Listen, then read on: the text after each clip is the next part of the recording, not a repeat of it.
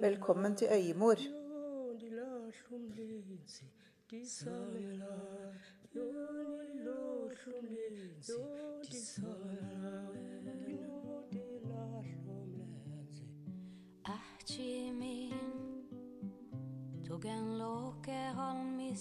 Jeg heter Silje Micaela Kvalheim, og det er jeg som du kommer til å møte her på denne podkasten, og andre modige kvinnestemmer. Jeg er glad for at du fant veien hit, og jeg er glad for å være her.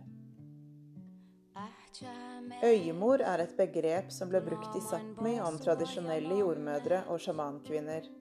En kvinne som kunne se inn i sjela til kvinner og være en veiviser gjennom liv og død. Tittelen til podkasten er inspirert av boken 'Øymor fødselsfortellinger fra Sápmi'. I bakgrunnen hører du Mari Boine og Madosini fra Sør-Afrika.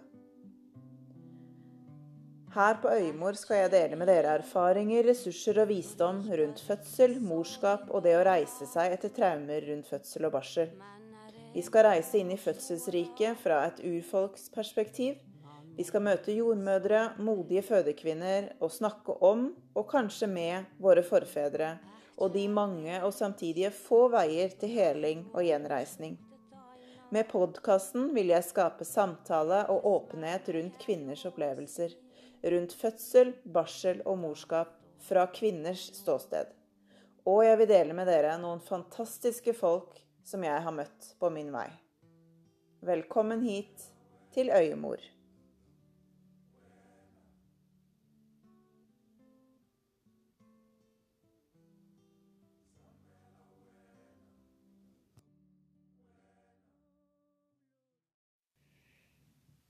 Når jeg spiller inn denne introen, ligger jeg i sofaen hjemme. Det er andre påskedag, og jeg har første dag med menstruasjon. Kroppen er i hvilemodus, og jeg forsøker å gjøre så lite som mulig. Men vi gjør klar episoden for dere allikevel. Det å gjøre tiden med menstruasjon om til en tid for hvile i vår tid kan være krevende. Visste du at det sies i mange kulturer, kulturer, i verden at menstruasjonstiden er som en liten mini-barseltid? Så en mulighet for meg og dere å hele litt av ens egen barseltid på nytt. Og gi kroppen den roen og varmen og omsorgen som du kanskje ikke klarte å gi når du selv var i barsel. Jeg syns det er en god følelse å gi meg selv den roen, og gi meg selv litt mer av det jeg manglet da. Eller det jeg valgte å ikke gi meg selv, da. Jeg skal ikke si så altfor mye i denne introen, da intervjuet med Linn Helen er et langt og næringsrikt intervju, men jeg vil dele noen tanker som jeg fikk overlevert av en eldre kvinne på Trinidad med navnet Donna Maria Camps, som er mentor og lærer for min mentor Rochelle, som driver utdanningen jeg tar, Innate Postpartum Care Certification. Hun delte sine tanker på en livesamtale i går i regi av Rochelle og snakket om tiden vi lever i og potensialet for nytt liv. Det føltes veldig aktuelt i disse påsketider, og også for meg personlig. Jeg har vandret en del i skogen i det siste og spurt om min rolle oppi alt kaoset, hvordan jeg kan bidra, hvordan jeg ikke skal bidra, og mine egne grenser. Donna er en kvinne med mye livserfaring og visdom. Hun gjorde meg bevisst på at tiden vi står i, har mange også etterspurt, altså en endring i samfunnet. At vi som folk ønsker et sted å leve i, et samfunn som helliggjør livet. Trærne, vannet, luften, barna, mødrene, eldre, syke. Alle. Den tiden vi står i, hvor mørket og lyset stiger, så ligger det et enormt potensial for å ta ansvar for oss selv, egne tanker, følelser og handlinger. Er jeg klar for det? Er jeg klar for å møte min blodlinje og møte min sjeloppgave her på jorden som forvalter av lys? Eller vil jeg fortsette å leve i skyggen av meg selv? Nå har jeg en gyllen mulighet til å reflektere over det, hvem jeg er. Det gleder meg å dele intervjuet med Linn Helen med dere. Linn Helen har opplevd mange fødsler, og kontrastene mellom førstefødte og fjerdefødte er store og alle opplevelsene bor i hennes kropp, hennes hjerte, hjem og liv. Jeg vil takke Linn Helen for å dele så nært og ærlig med oss om hennes reise inn i morskap og fødsel. Nyt episoden!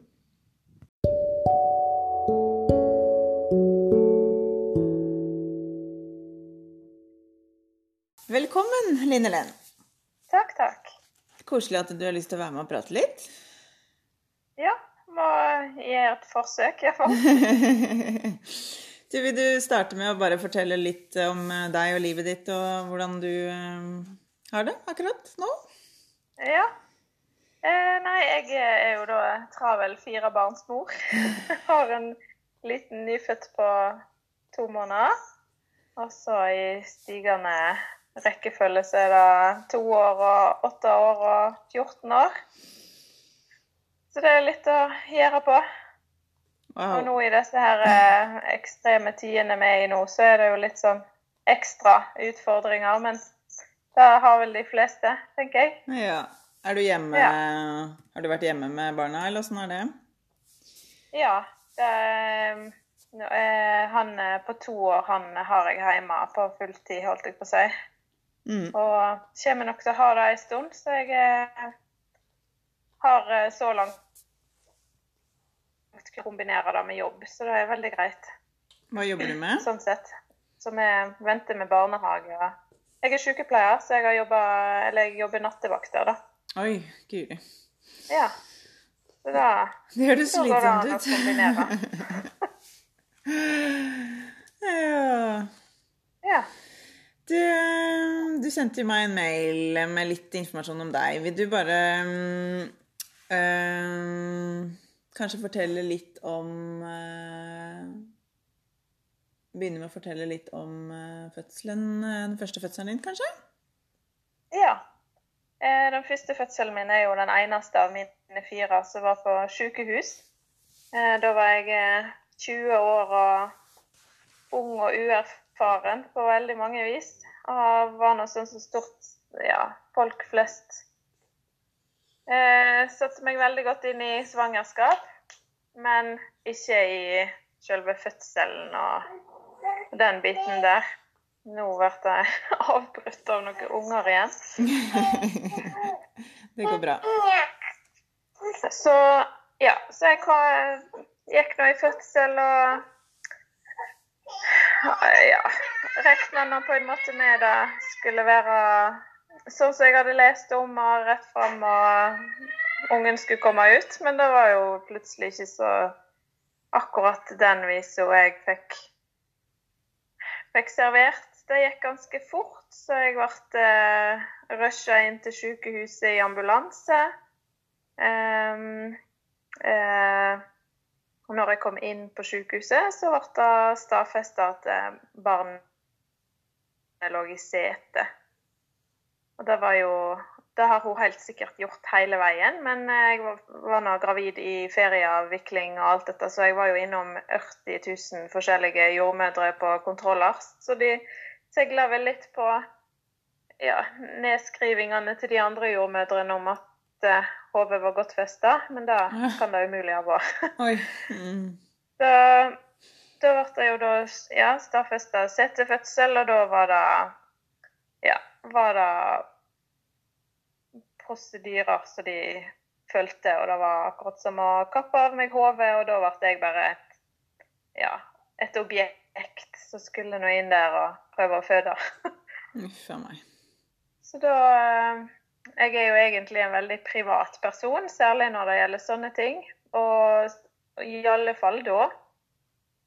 Men uh, hun jordmora som jeg hadde, hun tok ikke noe hensyn til verken mine ønsker eller uh, ja, eller tanker om ting. Så Og det var i fødselsboom, det var midt på sommeren, full avdeling. Uh, jeg havna på et sluserom. Um, og det virka som om det gikk et rykte på avdelingen om at her var det setefødsel på gang. Ja. Så da kom de inn den ene etter den andre og skulle kjenne hvordan det kjentes ut. Mm. Eh, uten, å spørre, uten å spørre deg om det. Kanskje ikke noe som de får hver dag. Så der var det vel eh, rom for læring. Mm. Men det var jo egentlig ikke jeg interessert i. Jeg ville jo ha minst mulig folk. Men da ble jo ikke tatt hensyn til. Så um, ja, de sto vel på det meste ti stykker i kø og var innom og kjente, uavhengig av rier eller annet. Oi, oi. Eh, og Ja. Og jeg hadde stadig vekk trussel om at det var ikke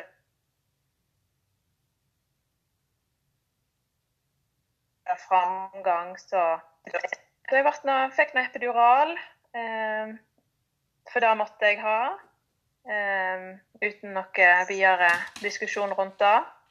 Mista følelsen i beina og vært liggende i seng på rygg hele tida. Fikk veldig fort eh, pressetrang, for at jeg åpna meg jo ganske fort. Men eh, jeg fikk ikke lov å begynne å presse, da. Så jeg lå med ja, trykketrang i fem timer. Oh. Da de venta på en sånn liten kant som liksom skulle vekk. Eh, for at eh, Sånn som de forklarte det meg, da, så måtte den kanten vekk, for ellers så kunne livmormunnen trekke seg sammen etter at kroppen var kommet ut. Og da ville de få problemer med hodet. Men jeg har jo lest masse om dette etterpå, så da, jeg ble jo servert eh, ganske masse trusler hele veien. Mm. Eh, siste gangen de var, altså, hadde en undersøkelse, da, så var det, da var det sånn Nå gir vi deg en time. Har ikke det forsvunnet da, så er det keisersnitt. Så den hang over meg hele tida. At eh, der lå jeg med beina i bøyle, og nei da, du Altså, her, Gud. her eh, her er det med klokka som bestemmer, på en måte. Mm. Og selv om du må presse, så får ikke du lov. Mm. Så da å ligge og holde igjen i fem timer, og så i tillegg eh, ha dette over seg, da. Mm. At eh, nå jobber ikke kroppen med deg nå, så ta med kontrollen. Og selv om de hadde nå kontrollen hele veien, føler jeg. Mm. Eh, men heldigvis så gikk det jo en liten djevel i meg da, bare ikke pokker om jeg har lagt her og holdt igjen så lenge, og så skal ikke jeg fullføre. Mm. Så da, eh, da skjedde det nå på en måte ting, akkurat som om det mentale overstyrte kroppen litt. Så da innen en god stund, da, eller innen den timen, så var det jo full Altså, den, kanten var vekke, og jeg kunne begynne å presse. Mm. Så hun kom jo ut med rumpa først og var frisk og fin og eh, Men hun ble jo tatt vekk ifra meg, selvsagt, med en gang. For de skulle jo sjekke at alt var fint. Eh, og det har nok påvirka ting. Altså mitt samspill med henne,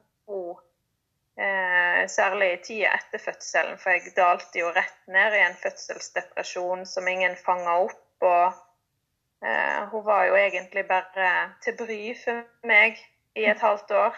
Mm. Eh, før jeg klarte å kave meg ut av denne depresjonen av meg sjøl. Mm.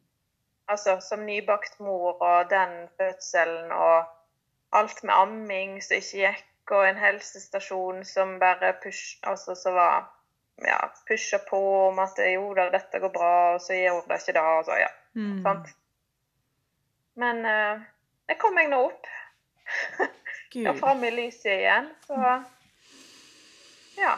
Jeg skulle aldri ha flere barn etter henne. Mm. Oi, oi, Men oi. eh, For en historie. Jeg blir så rørt og Men, Og eh, så modig du er. Ja, det, altså, det er jo på en måte den ene ytterkanten. Mm. At uh, selv om vi lever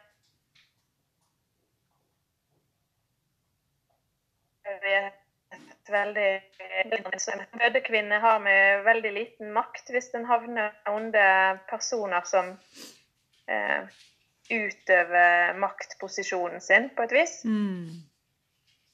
Så og når du er ung og uerfaren òg, så har du veldig lite å stille med. Ja, altså du sitter jo i Det er jo på en måte noe jeg tenker alle som jobber i helsevesenet eller jobber med fødsler, bør eh, være smertefullt klar over, da, den eh, maktposisjonen man har.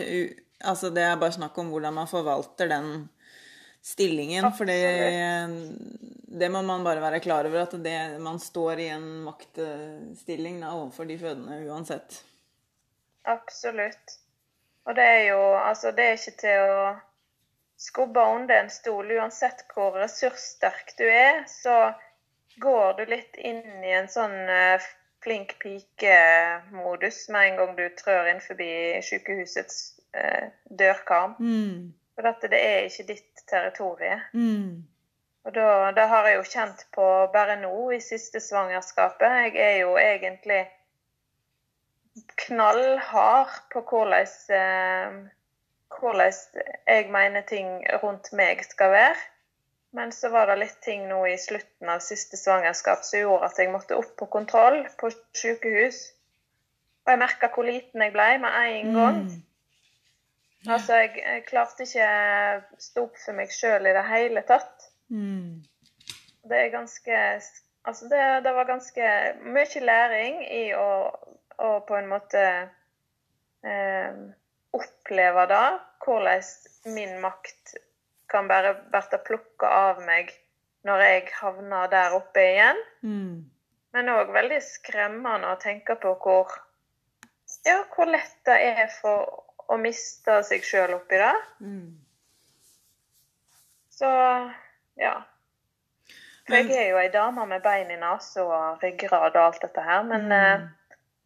det, det henger nok litt i, hop med førstefødselen òg, hvor eh, mye avmakt jeg hadde da. Og da er det lett for at når jeg går inn i miljøet der igjen, at jeg havner tilbake igjen. På et,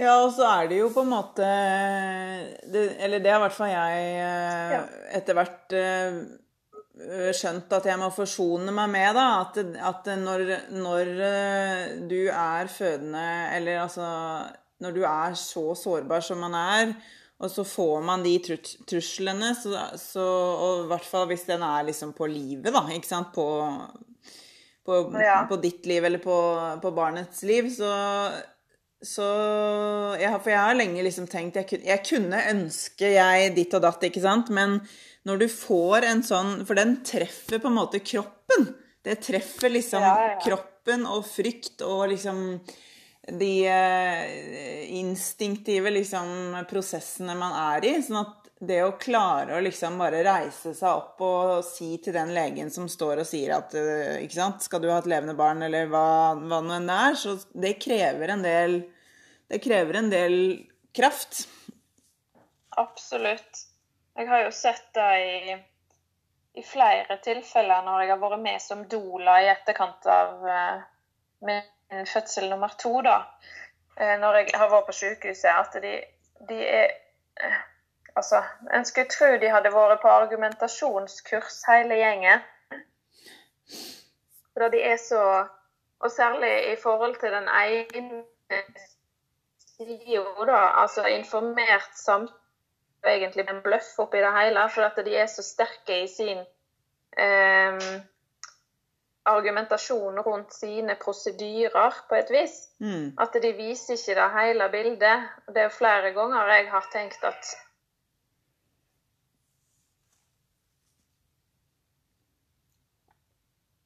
Gjør du dette her? Hvorfor Altså, det er jo som du sier, de bruker sterke skyts. Vil du ha et levende barn, så Altså, Mm. så klart en vil, ha, en vil ha et levende barn når en er der og føder. Men det er så Ja. I mange tilfeller er det helt feil bruk av argumentasjon. Mm.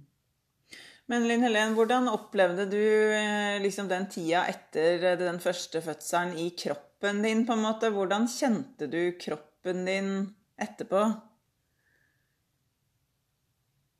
Det var Et godt spørsmål. Det har jeg egentlig aldri reflektert så veldig mye over. Uh, Veit egentlig ikke. Altså Der jeg er i dag, så er jeg jo fantastisk stolt over kroppen. sant? Alt den har gjort.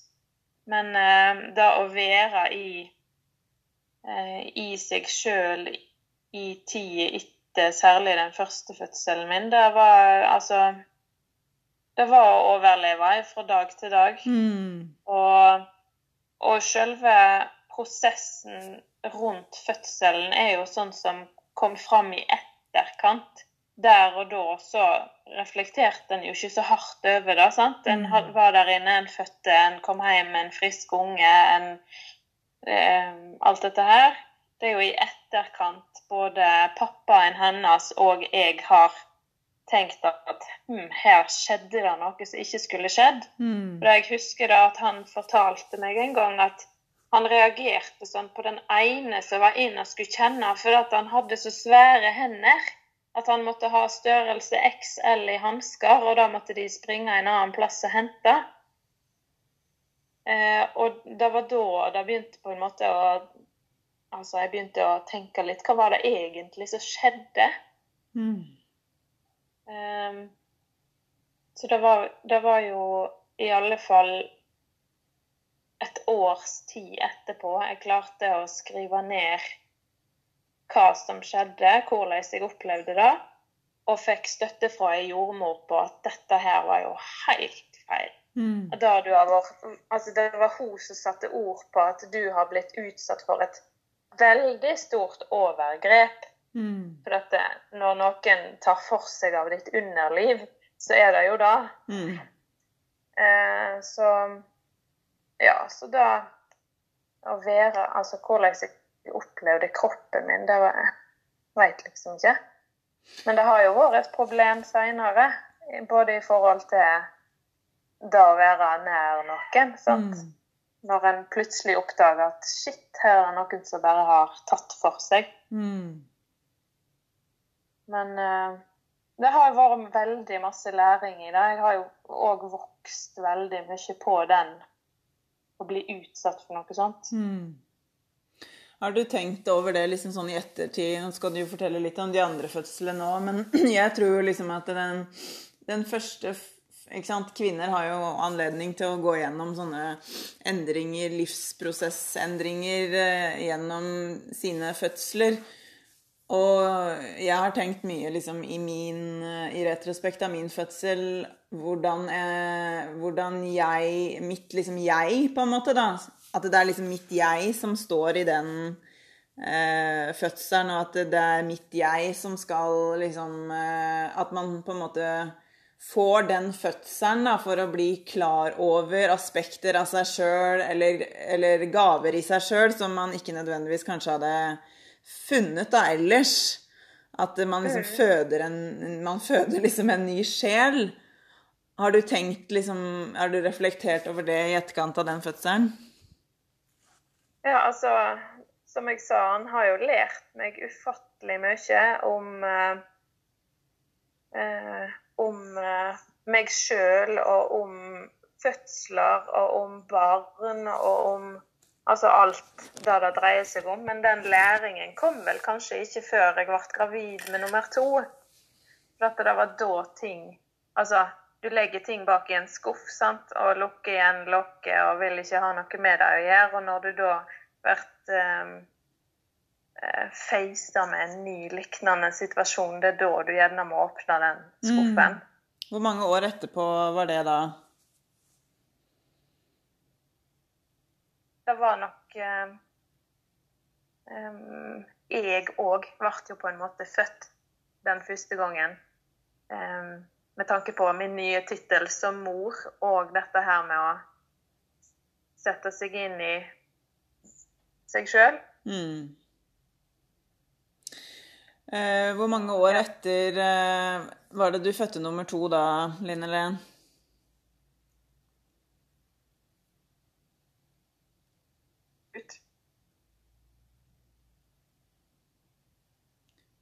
Fy, hørte du?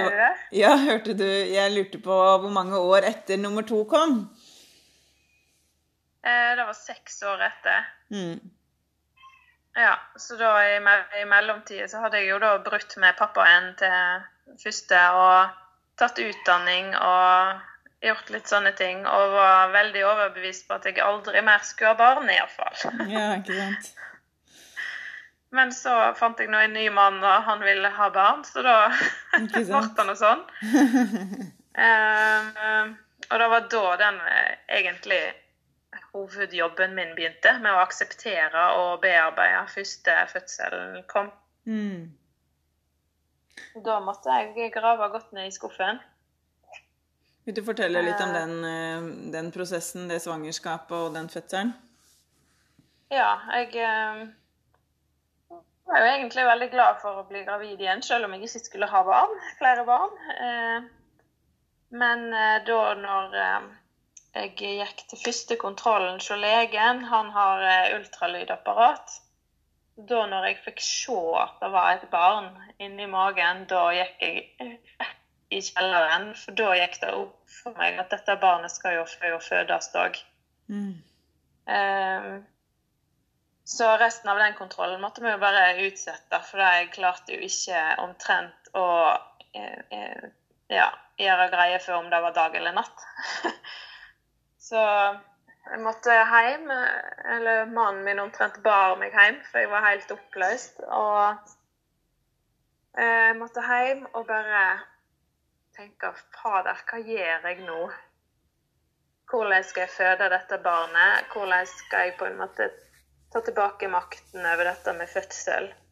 Eh, og begynte å eh, sondere egentlig terrenget for eh, ja, de har jo oppe på Haukeland, eller på Kvinne...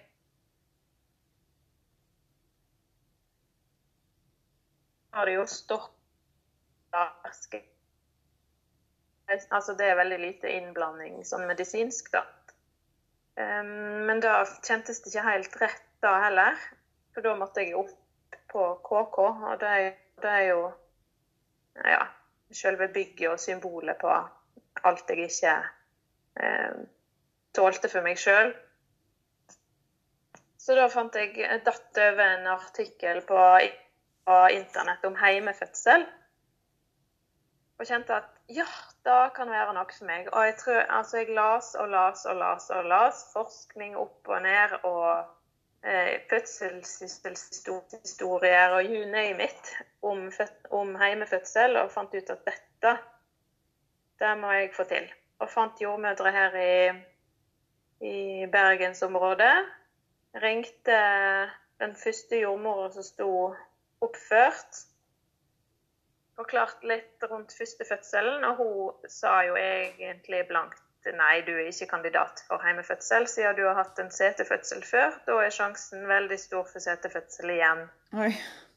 Og jeg gikk jo litt i litt i kjelleren igjen, men tenkte jeg skal pinadø ringe den andre jordmor òg. For det var to jordmødre, jordmødre som på en måte dreiv i lag. Og hun var jo så positiv.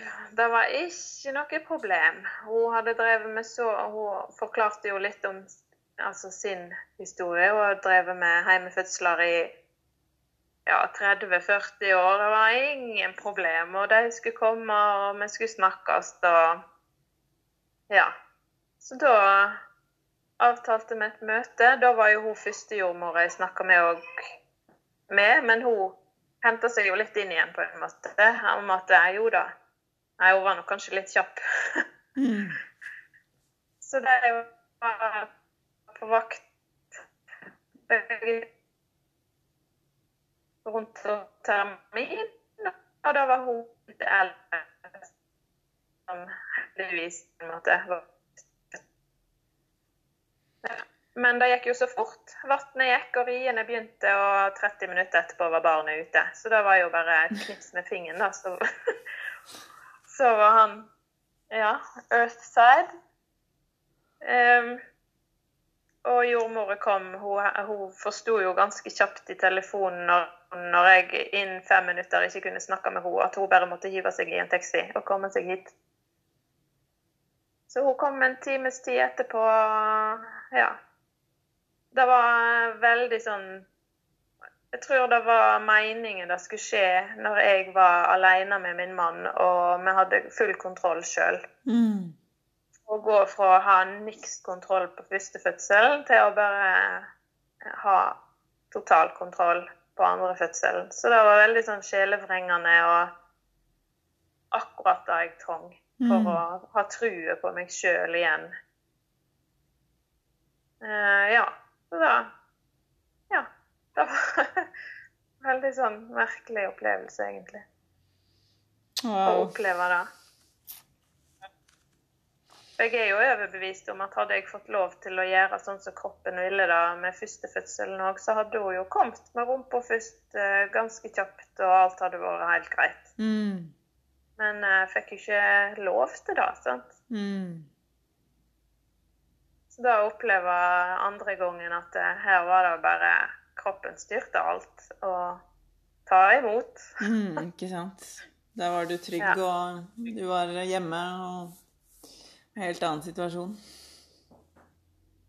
Absolutt. Så, og jeg hadde lest såpass mye at det, det var ingenting i denne verden som kunne få meg til å tvile på den avgjørelsen om å være hjemme. Mm. Og det var veldig godt å kjenne på. Mm.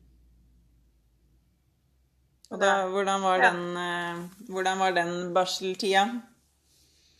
Den var helt fin. Altså, jeg hadde Det var, føltes kjempelyst og lett, og um, Jeg hadde én dag med barseltårer. Det var siste dagen jordmora skulle komme på besøk, på en måte, på dag Mm. fem. Da eh, Altså, for da, jeg følte jo at hun hadde redda livet mitt, på et vis. Wow. Med å la meg få lov til å være hjemme og føde. Mm. Så da bare tanken på liksom aldri mer se henne var helt forferdelig. Men sånn ellers i barseltida var det jo bare Ja. var helt fantastisk. Da å kunne oppleve òg ei barseltid sånn, altså versus eh, barseldepresjon, det var òg eh, Ja, veldig sånn helende. Mm. Ja. Ja, det kan jeg tenke meg. Og hvordan var det med førstefødte da, sammen med n- nyfødt? Jo da, hun var kjempestolt. Ikke sant? Veldig flink storesøster. Var barna med på fødselen, eller den andre? Nei, eh, hun var med besteforeldre da.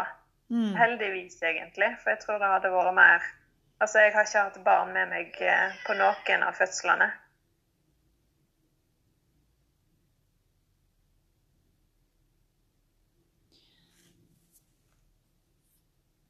Skal vi se, nå stoppa det litt opp her.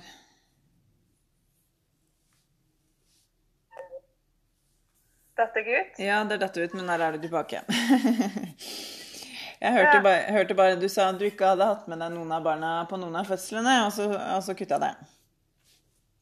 Ja. Nei, for jeg er Når jeg er eh, Når jeg er i en litt sånn vanskelig, vanskelig eller sårbar situasjon eller for vondt eller sånn, så trekker jeg meg veldig til meg sjøl. Hvis jeg har folk rundt meg.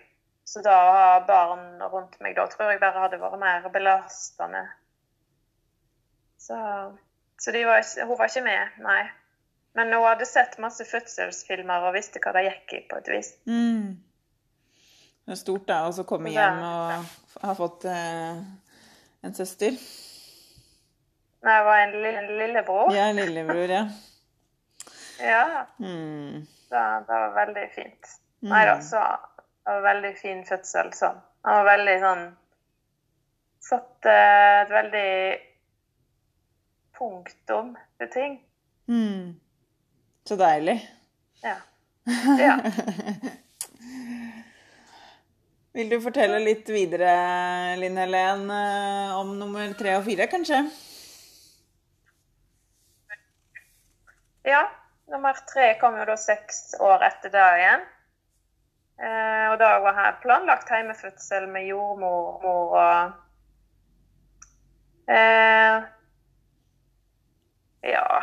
Det var vel egentlig den vanskeligste hjemmefødselen jeg har hatt. For der jeg, jeg har jo på en måte innsett at jeg kanskje er litt kontrollfrik. jeg liker å ha litt kontroll, Jeg hadde planlagt å filme. Jeg hadde planlagt eh, Hadde egentlig planlagt litt for masse Mm. rundt den fødselen. Og når da um, Ja, den dagen var skolestart for begge ungene, de to eldste. Jeg fikk fulgt dem på skolen, jeg fikk henta dem igjen. Jeg fikk uh, gått på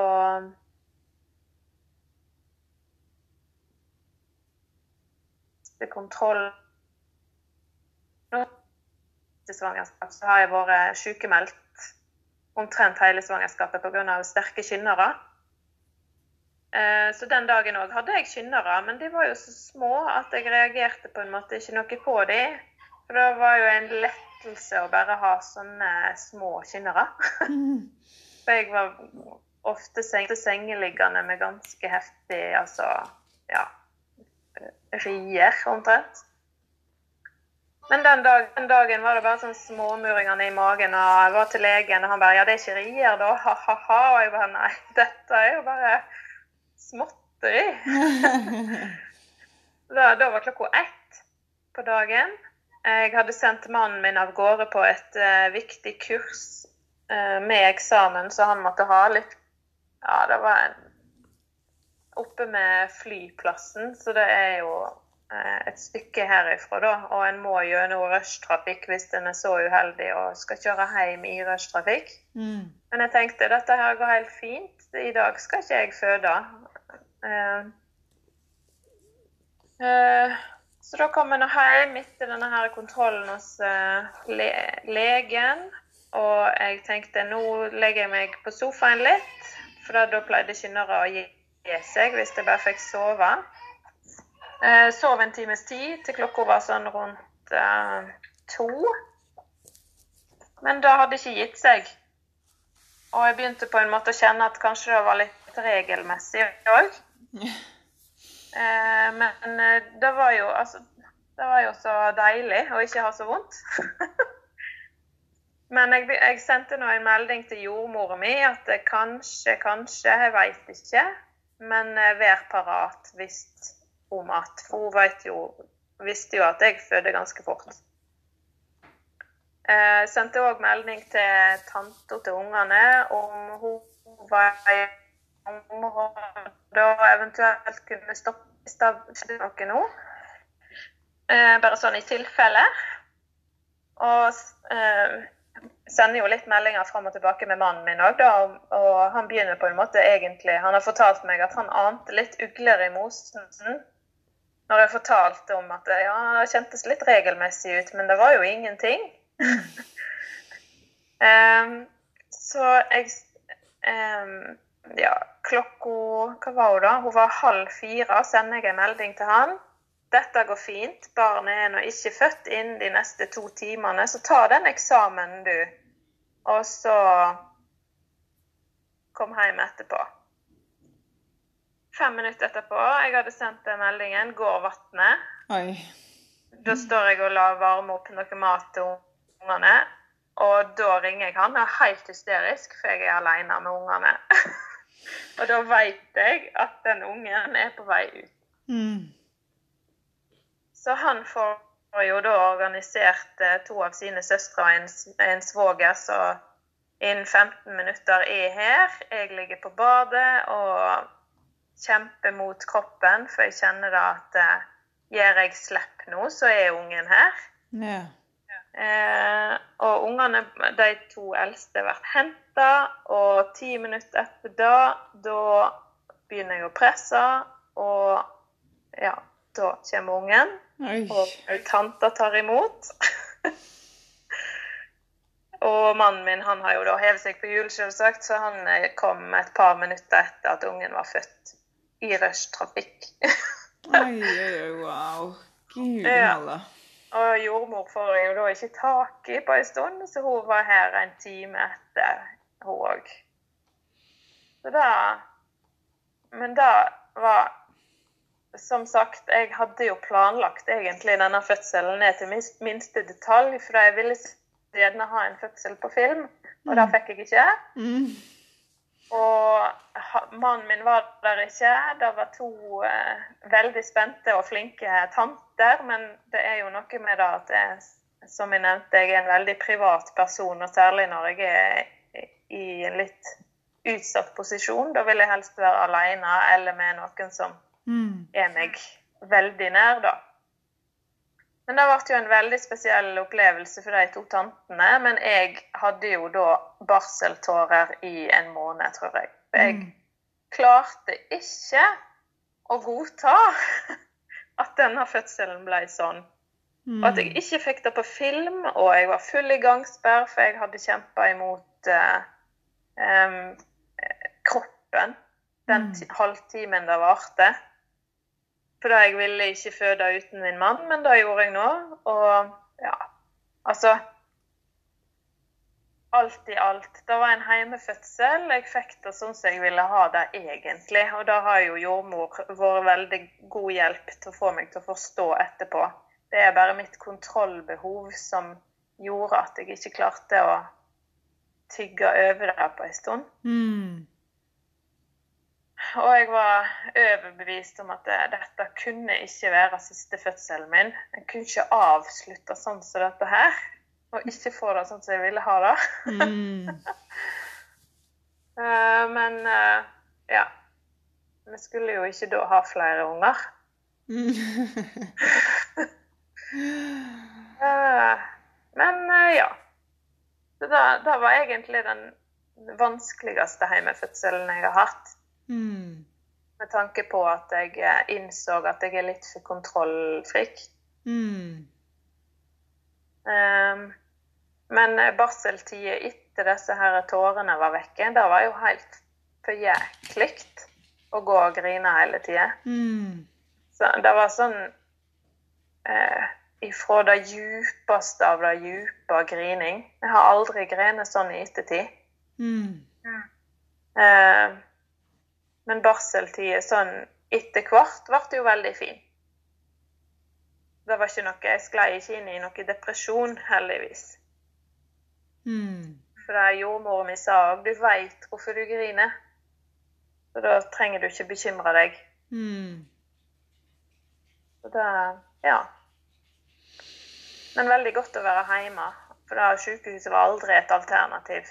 Mm. Men altså, jeg har jo aldri vært så dum at eh, jeg har tenkt at eh, ikke for enhver pris. Hadde det vært noe som tilsa at jeg måtte på sykehus, så har jeg jo alltid tenkt at eh, så klart må jeg da. Eh, men eh, ja, det ble nå hjemmefødsel. Hvordan, eh, hvordan liksom har du opplevd mennesker rundt deg? Har de støtta, støtta deg, føler du, eller har du stått litt aleine liksom i Eller du og mannen din? Det har vært litt variabelt, egentlig. Eh, jeg opplevde vel egentlig nå ved siste hjemmefødsel, tro det eller ei, nummer tre, at det var flere som eh, var litt uh, bekymra og eh, uttrykte det veldig, da. Eh, men jeg tror det har noe med at vi var veldig åpne om at dette har vært uten eh, assistanse på noe vis.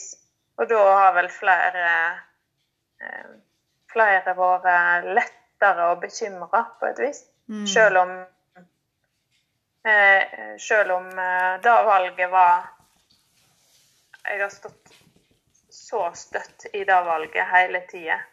Men det er klart En er jo litt farga av at sånn skal det være. En må ha noe hjelp. Og jeg skulle jo ideelt sett hatt det, sant? Mm. Men eh, eh, Men eh, stort sett så har folk vært positive til, til det, når en har fått forklart litt eh, grunnen til at en velger det en har gjort. Bare hoppe litt tilbake til den første fødselen din, jeg, i forhold til de eh, følelsene og den erfaringen du hadde på sykehuset. Hvordan, hvordan var det å stå liksom i den uh, tida, i den barseltida etterpå, overfor venninner og familie og sånn? Nei, det var Jeg tror det var veldig skjult, for at en klistrer jo på seg et smil og viser babyen og er så stolt og sant? For det er da en skal være. Mm. sant? En leser jo om denne her umiddelbare forelskelsen og at en er så glad i dette barnet og sånn. Og da tror, var jo jeg òg overbevist om at det var da jeg måtte, så det var da jeg viste utad. Mm. Men på bakrommet var jo alt helt jæklig. Altså, jeg kunne legge ungen ifra meg, og hun hylskreik, og jeg bare satt og så på henne og bare sånn der jeg tenkte Hvorfor i alle dager skal jeg ta deg opp og trøste deg? Sant? Mm. Så utad så var det vel egentlig bare mor mi som ante at her var det et eller annet som ikke helt stemte med meg. Mm. Men eh, hun, hun torde på en måte ikke si så mye, hun heller. Um, ja. Men at, at helsestasjonen ikke har snappa det opp, da er veldig for meg merkelig. For jeg var jo der flere ganger den første tida og var helt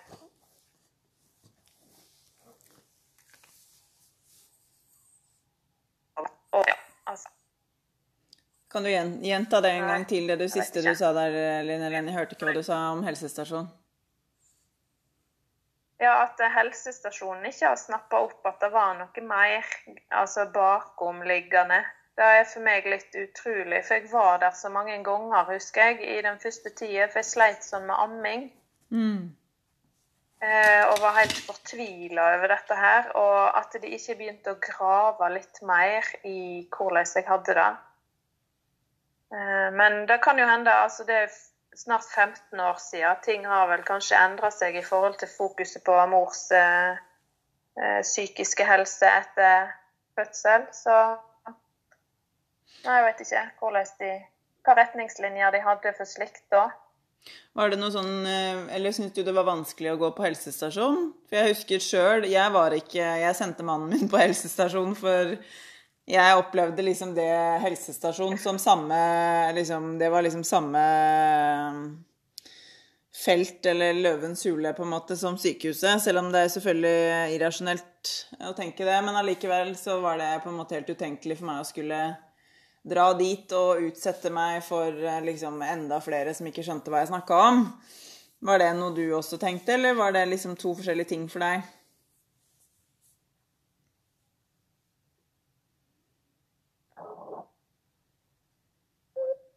Er du der? Ja.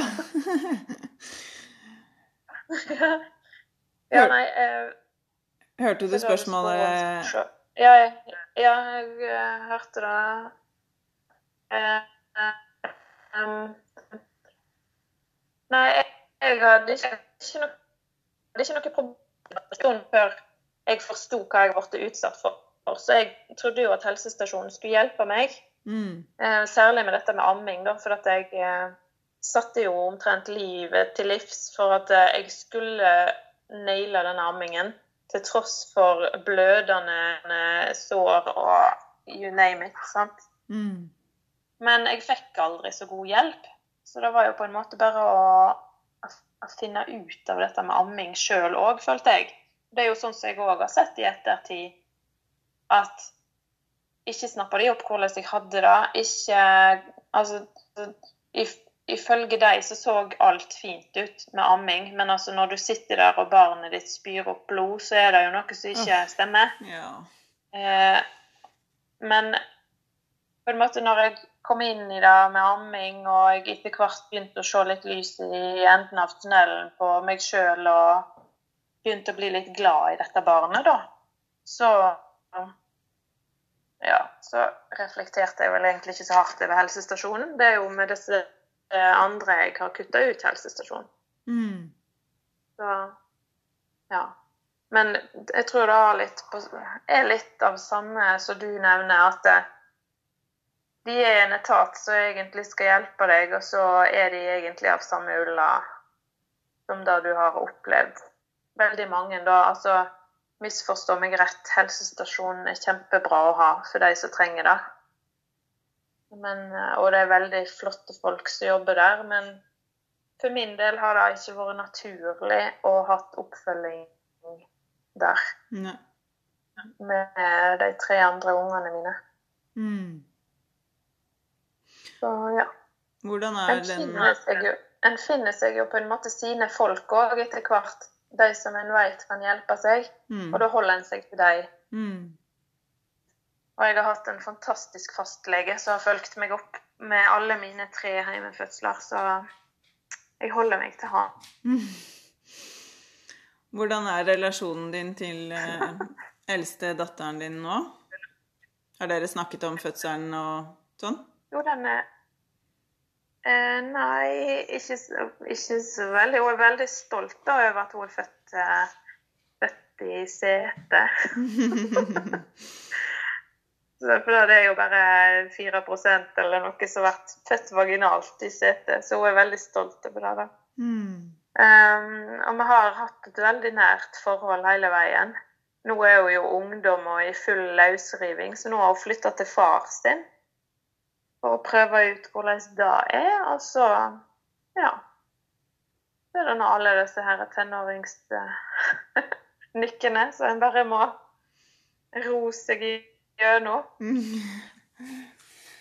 Det er vel litt sånn eh, Det er vel kanskje litt sånn at eh, har jeg i hvert fall tenkt litt på at eh, når man Det barnet som blir født på en måte en traumatisk fødsel, da, så er det vel er på, Det er jo et traume som både har potensial for å splitte mor og datter, da, men så har du jo også et potensial i å tvinne de båndene på en måte enda sterkere, fordi at det er noe som man har opplevd sammen. Ja.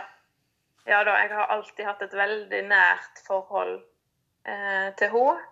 Um, sånn fysisk og Ja. Ja. Men, det, det, altså, men eh, ikke, ikke nå de seneste årene, sånn fysisk iallfall. Men det tror jeg har masse med dette med naturlig løsriving å gjøre. Mm. Men eh, jeg opplever det at eh, vi har en veldig nær kontakt, og hun er veldig avhengig av meg. Og Mm. jeg er så vidt veldig avhengig av henne òg. Så ja. Men jeg har jo reflektert en del nå, iallfall den siste tida, om dette her, akkurat den adskillelsen rett etter fødsel. For det har jeg jo ikke hatt med disse tre andre. Mm. Og hvordan den kanskje har farga vårt forhold, da. Mm. Altså forelder-barn-forhold.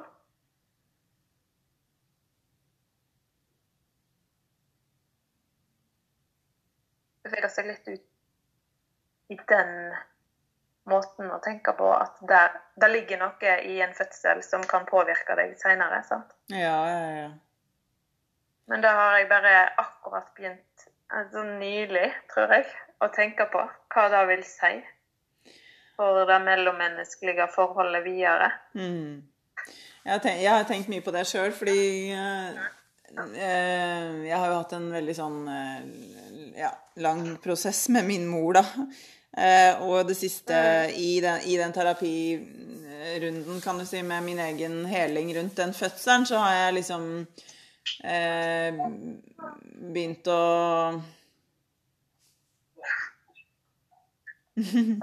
Begynt å Eller eh, jeg har vel alt, alt jeg har,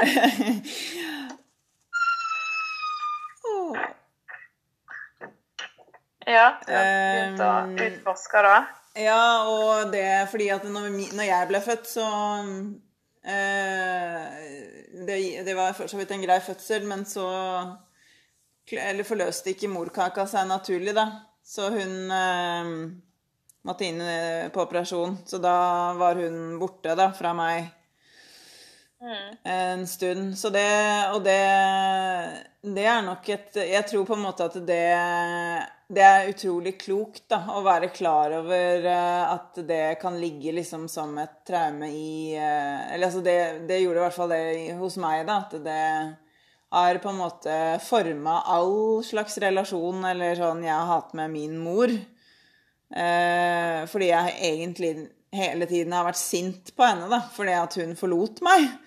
Eh, Fra jeg var liksom ikke sant, bitte liten. Og så har det liksom forma, forma hele livet, hele vår relasjon, inntil jeg liksom da klarer å sette ord på det. da, At det, er, det var jo derfor. Det var det som på en måte skjedde.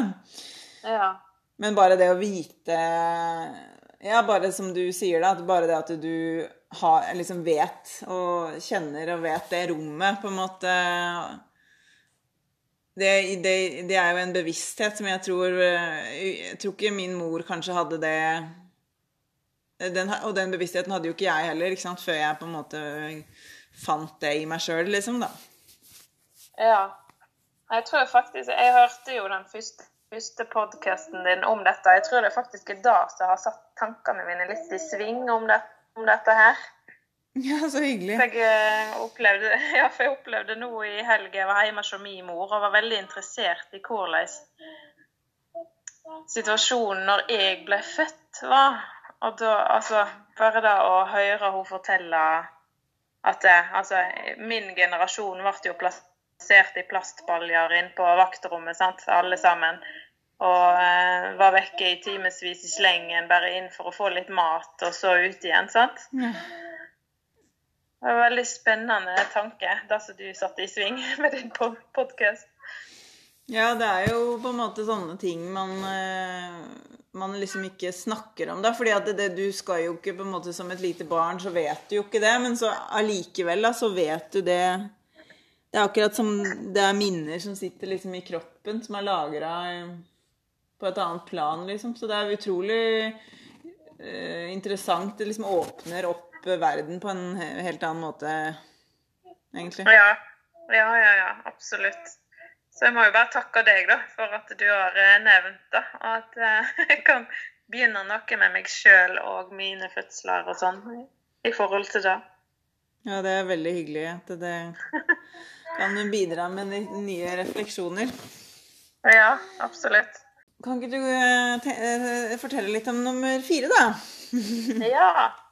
Nummer fire, den Du må jo skrive en bok! Du har jo bare så utrolige opplevelser. Nei, nummer fire, ja. Eh, det var jo Altså, jeg var jo etter nummer tre så var jeg jo veldig lei meg for at det var siste barnet. Så jeg var jo veldig opptatt av å få enten et nei eller et ja fra min mann. du, nå må du gå og være med pappa på om vi skulle ha flere barn eller ikke. Og han var nå litt sånn i tenkeboksen veldig lenge, men til slutt så kom han fram til at OK, eh, vi prøver fram til eh, jeg, blir, jeg har bursdag, og hvis ikke, så er det Da går jeg og kapper strengen. Yeah.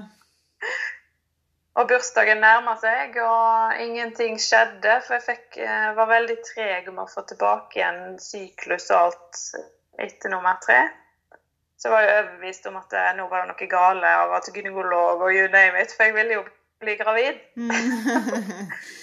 um, så eh, satt vi nå og diskuterte en kveld. Da hadde han hatt bursdag, og eh, vi fant ut at OK, ingenting skjedde. Greit. Må bare innfinne oss med det. Jeg må ta den jobben med meg sjøl i å Eh, bearbeide At eh, da var min reproduktive karriere over.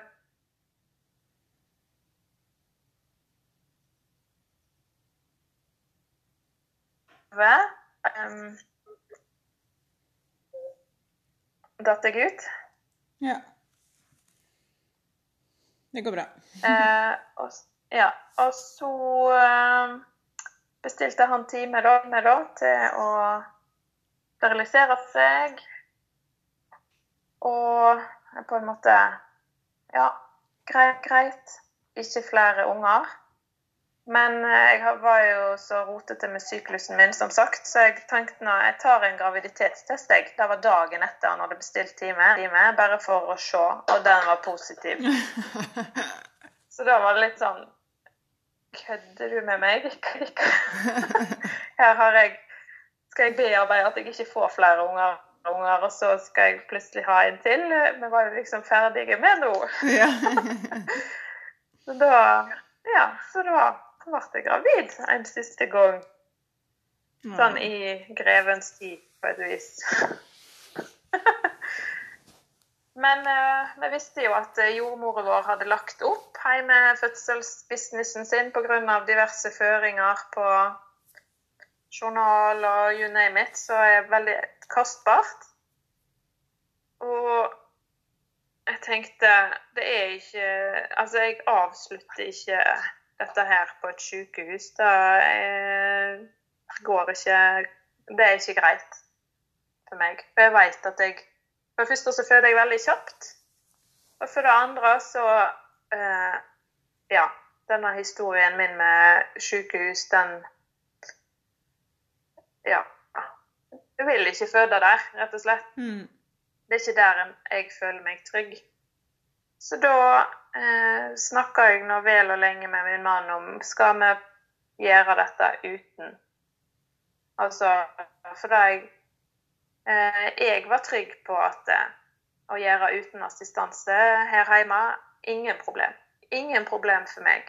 Så trygg er jeg på meg sjøl og min kropp og min fødeevne og mitt samarbeid med det barnet som skal ut, at eh, hvorfor i alle dager skal jeg ha noen som skal eh, vurdere at dette er greit eller ikke greit, eller progresjon eller ikke progresjon, sant? Mm.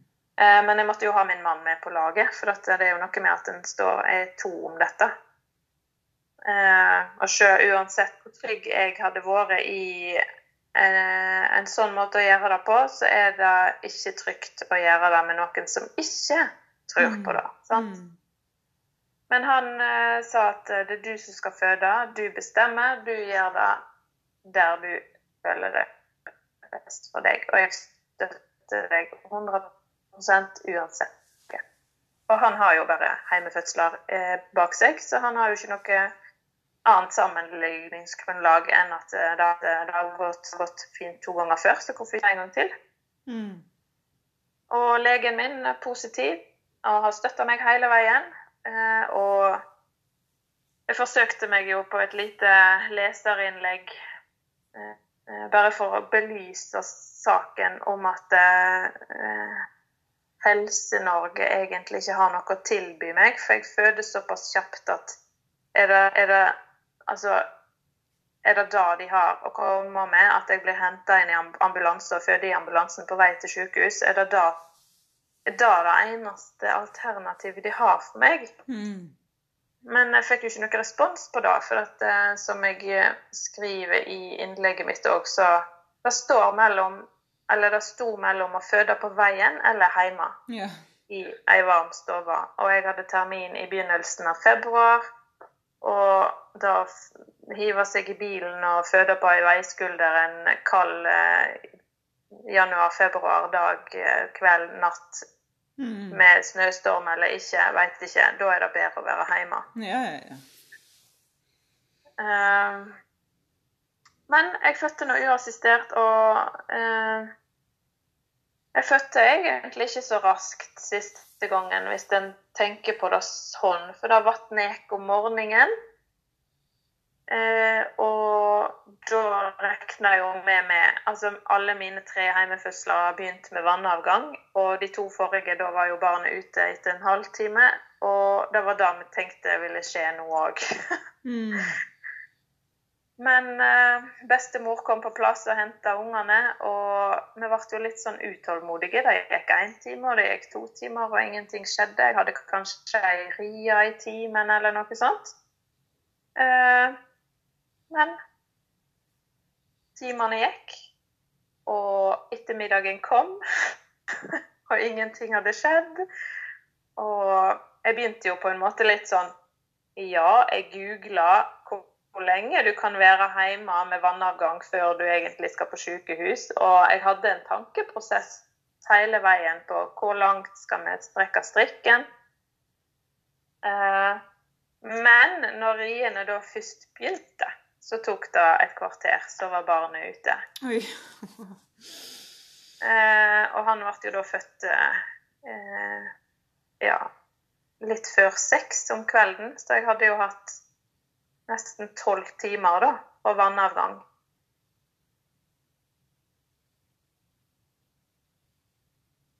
Men jeg var med på det som skjer. Plutselig sitter du der med en unge, og du blir litt sånn Hva i alle dager skjedde nå? Mm. Men på den siste fødselen så fikk vi på en måte brukt noen timer på å bearbeide at nå skjer det, nå skal vi ha en unge. Vi fikk gjort ting klart for oss sjøl. Kamera, ikke minst. Jeg fikk Ja. filma fødselen, det som var så trist på nummer tre at jeg ikke fikk gjort. Mm. Så jeg fikk på en måte gjort alle disse her kontrolltiltakene mine, da, så jeg ikke fikk gjort med nummer tre. De ble så til de grader utfylt med nummer fire. Og da da å kunne føde uten og at du må ringe noen for de skal komme, og Mm. at du eh, at, Ja, at du bare tar det helt så det, så det kommer. Eh, og mannen min òg har jo sagt da at det er den villeste opplevelsen han har hatt. Det er på en måte denne siste fødselen, der vi visste at eh, alt som skjedde, var basert på hvor trygge og eh, hermetegn erfarne vi var med det, Mm. og hvordan vi takla det. Altså ingen innblanding fra noen. Mm. Så det var jo helt eh. Det er, det er på en måte toppen av min edderkake, for å si det sånn. Det er den siste fødselen. Jeg følte meg så trygg, og jeg følte meg så Ja, altså lå kun hos meg. Mm. Og da Jeg unner alle å ha den typen eh, kontroll. Altså kontroll i den forstand en kan ha kontroll, da. Ja, altså du er jo man, Det er liksom ganske sånn eh, interessant sånn psykologisk, for at du eh, Selv om det er en jordmor, og jordmor er dyktig og god og alt mulig, så har du Du, du legger jo på en måte noe av din, din energi, eller ditt liksom tillitsperspektiv, over på noen andre. Så det er jo liksom når Ja. du står der i deg sjøl, og det er på en måte Det er deg, det er, ba, eller det er liksom Det er bare dere, liksom. Så har du jo, får du jo et sånn totalt liksom eierskap, sikkert, da, til alt, liksom. Og da, da får du jo Da er det jo på en måte dine frukter òg. Alt, alt er dine frukter, liksom. Ja, absolutt. Det der med tillit eh, kjempe, kjempeviktig oppi det. Altså, det var ingen andre jeg kunne plassere tilliten min på, Mm. annet enn min mann, da. Men vi var så trygge i det som vi hadde valgt. Selv om jeg var jo innom flere ganger i hodet mitt at eh, Sånn som jeg sa, hvor lenge skal vi være hjemme? Hvor Altså måtte oppfriske meg sjøl på litt sånn Hva skal jeg se etter?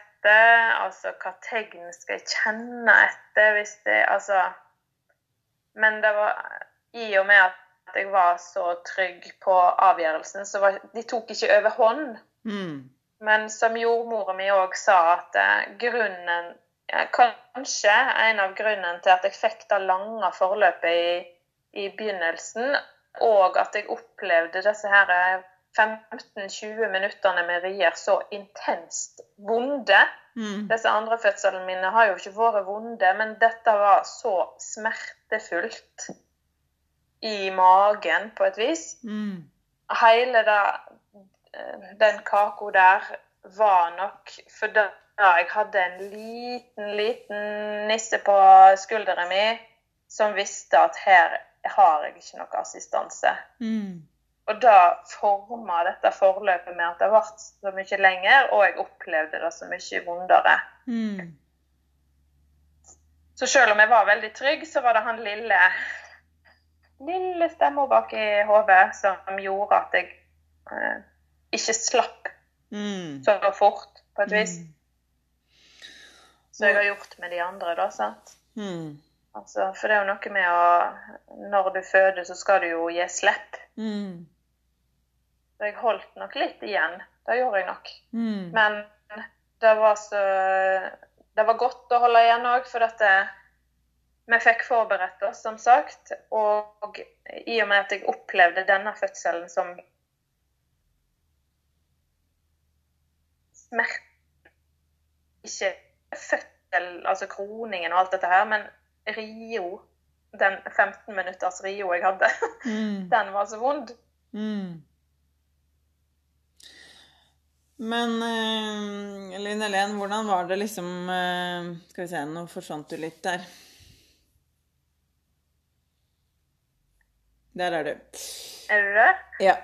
Du, jeg tenkte Ja. bare på hvordan var det Altså, hvordan var det å eh, sette beina på bakken, liksom, etter, etter den siste fødselen. Hvordan kjente du deg? Vi var jo helt euforiske. Altså Det var jo eh, til og med meg alt dop i verden, og jeg tror ingenting kunne ha målt seg med det.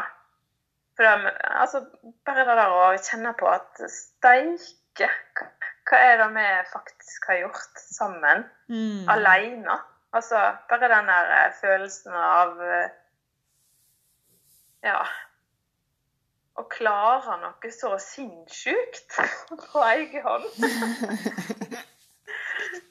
Det var helt, eh, helt vilt. Men òg det der med tryggheten rundt morkaka. Det tok jo et par-tre timer før ville, jeg ville gi slipp på den. Mm. Det var så trygg på at eh, her er kroppen, kroppen min kan dette her. Mm. Ingen skal rushe noen ting. Det får komme når det kommer. Mm. Og vi var ganske høye de første timene. Det er sikkert og visst.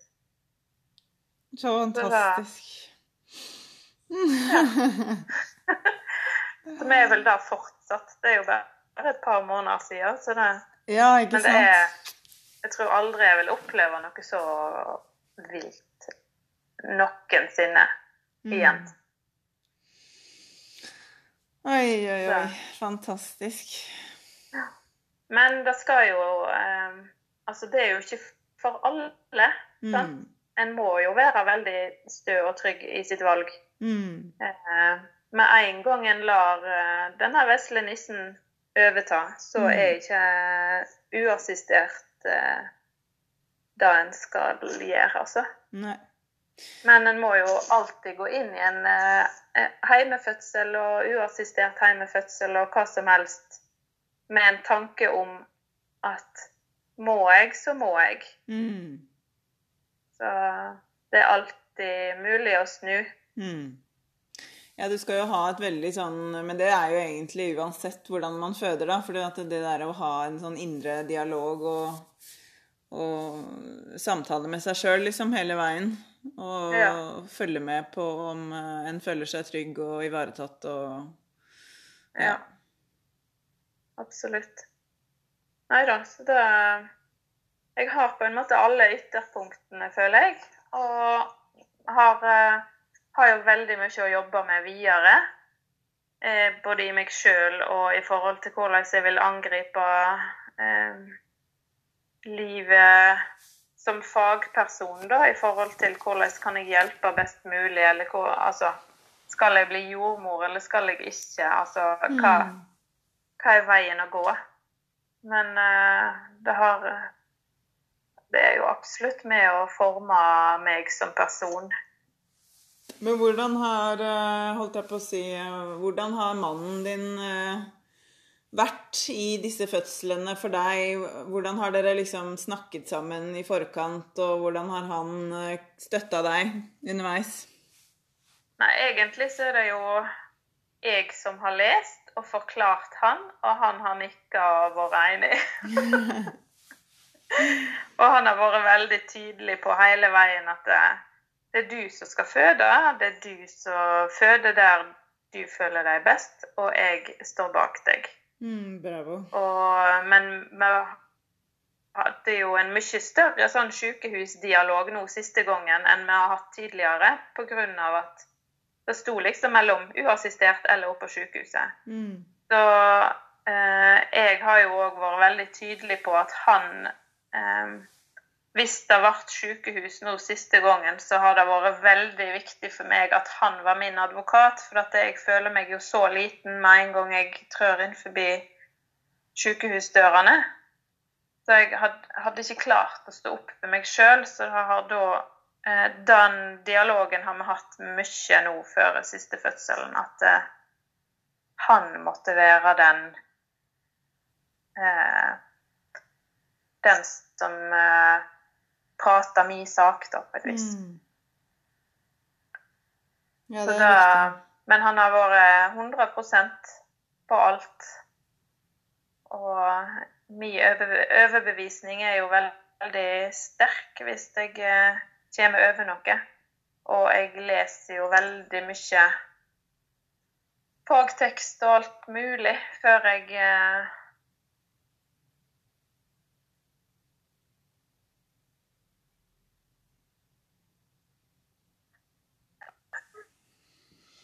Nå eh, kutta det når du sa at du leste mye, Linnelen.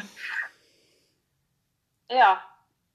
Leser mye, og han vet jo da at eh, hvis, eh, hvis jeg kommer med en mening eller, en overbevisning, så er ikke det bare sånn som jeg snapper ut av lufta. Det er basert på veldig mye egenforskning. Mm. Ja, det er viktig. Så han har vært helt fantastisk sånn. Mm.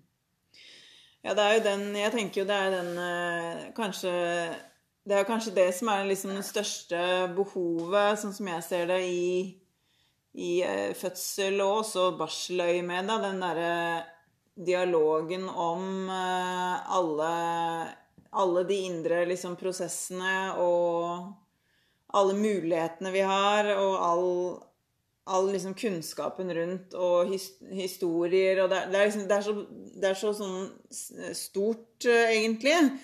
Og det å kunne liksom på en måte sitte og Jeg bare tenker litt på um, Sister Morningstar, som var med på episode ja, tre, var det vel.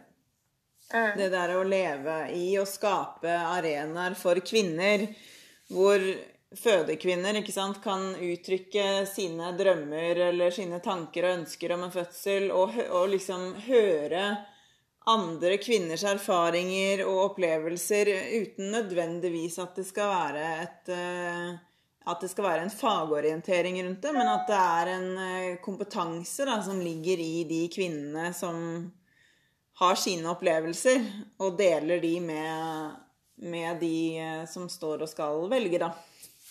Ja, absolutt. Jeg tror du er med på å forme din egen fødsel òg veldig mye. Altså, jeg eh, har veldig trua på at en fødsel er sitter 90% oppi hodet, og resten er det kropp, altså 10% kroppslig. For at eh, Altså, det er ikke for eh, ingen grunn at du faktisk kan stoppe riaktiviteten hvis du føler deg trua, sant? Mm. Det er jo mentalt og hormonelt Ja. tinga. Altså ja, det er kroppen eh, Kroppen eh, reagerer på ting som foregår og automatisk. Det er liksom ikke Ja, det er prosesser som eh, skjer. Ja. Så da å høre andre sin erfaring, og da å på en måte finne litt Ja.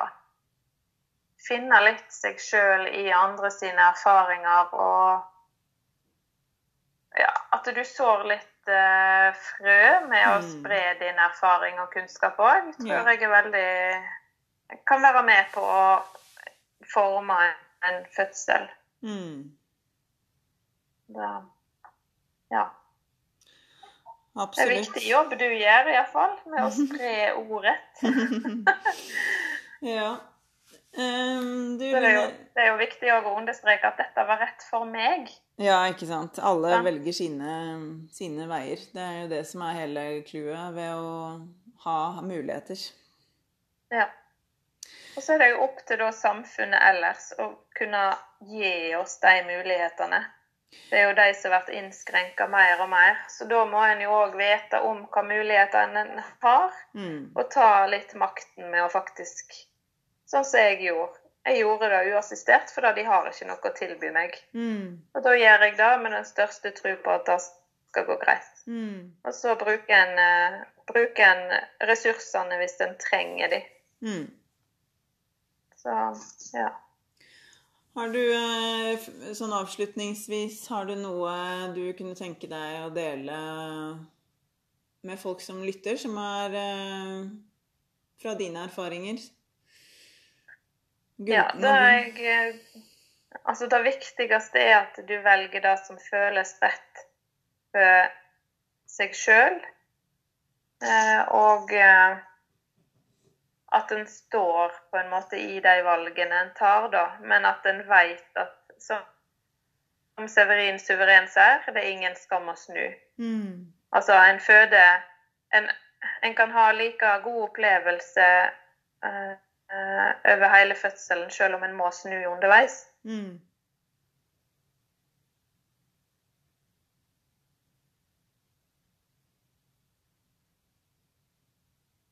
vært eh, utsatt for hvis en velger eh, velger å føde på sykehus. For at da Det er noe med psykologien oppi det. En inntar en sånn flink pike-rolle. Mm. En, omtrent enten en vil det eller ikke. For dette, det er da du er på besøk. Det er jo fordelen med å være, med å være hjemme. Da er det jordmor som er på besøk hos deg, og da er det du som bestemmer. Mm. Men eh, så lenge en, en er, altså, har satt seg inn i sine valgmuligheter òg, ikke bare er så opptatt av det barnet inne i magen underveis i svangerskapet, men at en faktisk òg setter seg inn i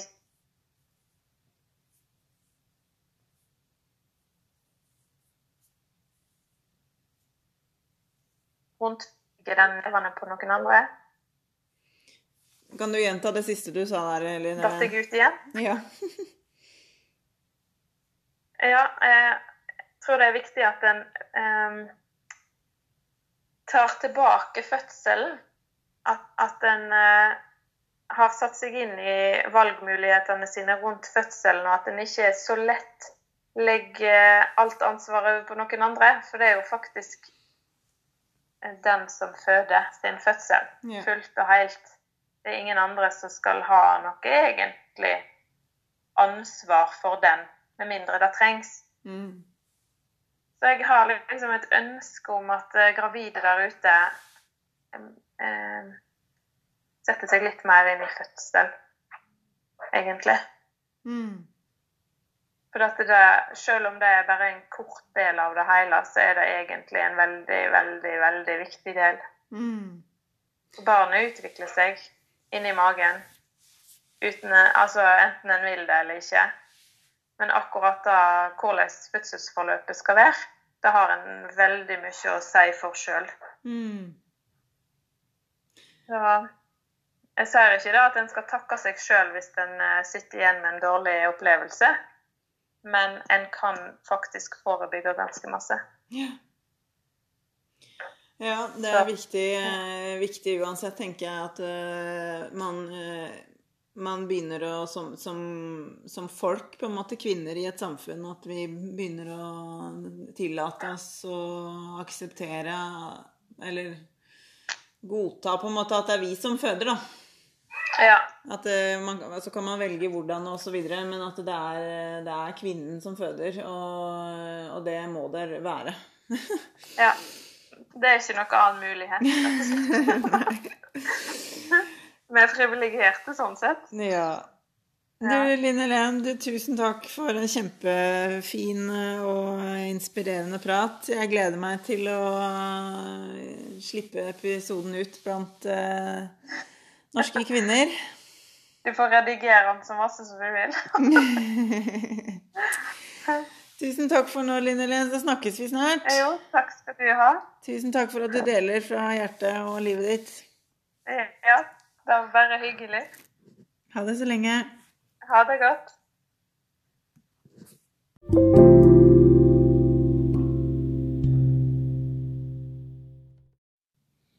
Takk for at du hører på Øymor podkast, og takk igjen til Linn Helen for hennes historie.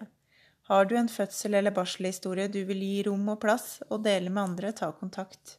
Du finner meg enten på mail øyemormamma.gmail.com og også på Instagram imother. Du kan også støtte podkasten ved å gå inn på www.patrion.com imother. Her kan du bidra med et lite månedlig beløp og også få tilgang på bonuser fra mine gjester. Vinneren av Øyemorboka ble min første Patrion-støtter, Marianne Alvegård. Gratulerer med ny bok, og tusen takk for at du har tro på mitt arbeid og velger å støtte meg månedlig. Det setter jeg utrolig stor pris på. Neste episode får du møte Siri Kalla. Siri er en kvinne som driver med mye spennende som tiltrekker meg. Siri er utdannet, Holistic Reproductive Health Practitioner gjennom Justice College International i Canada, og er sertifisert Fertility Awareness Educator gjennom Association of Fertility Awareness Professionals. Vi skal snakke sammen om sammenhengen mellom menstruasjon og kvinnehelse, og sammenhengen mellom blod og fødsel. Jeg gleder meg til å bli bedre kjent med Siri og bade i hennes visdom. Takk for nå, dere. Jeg håper vi ses neste gang.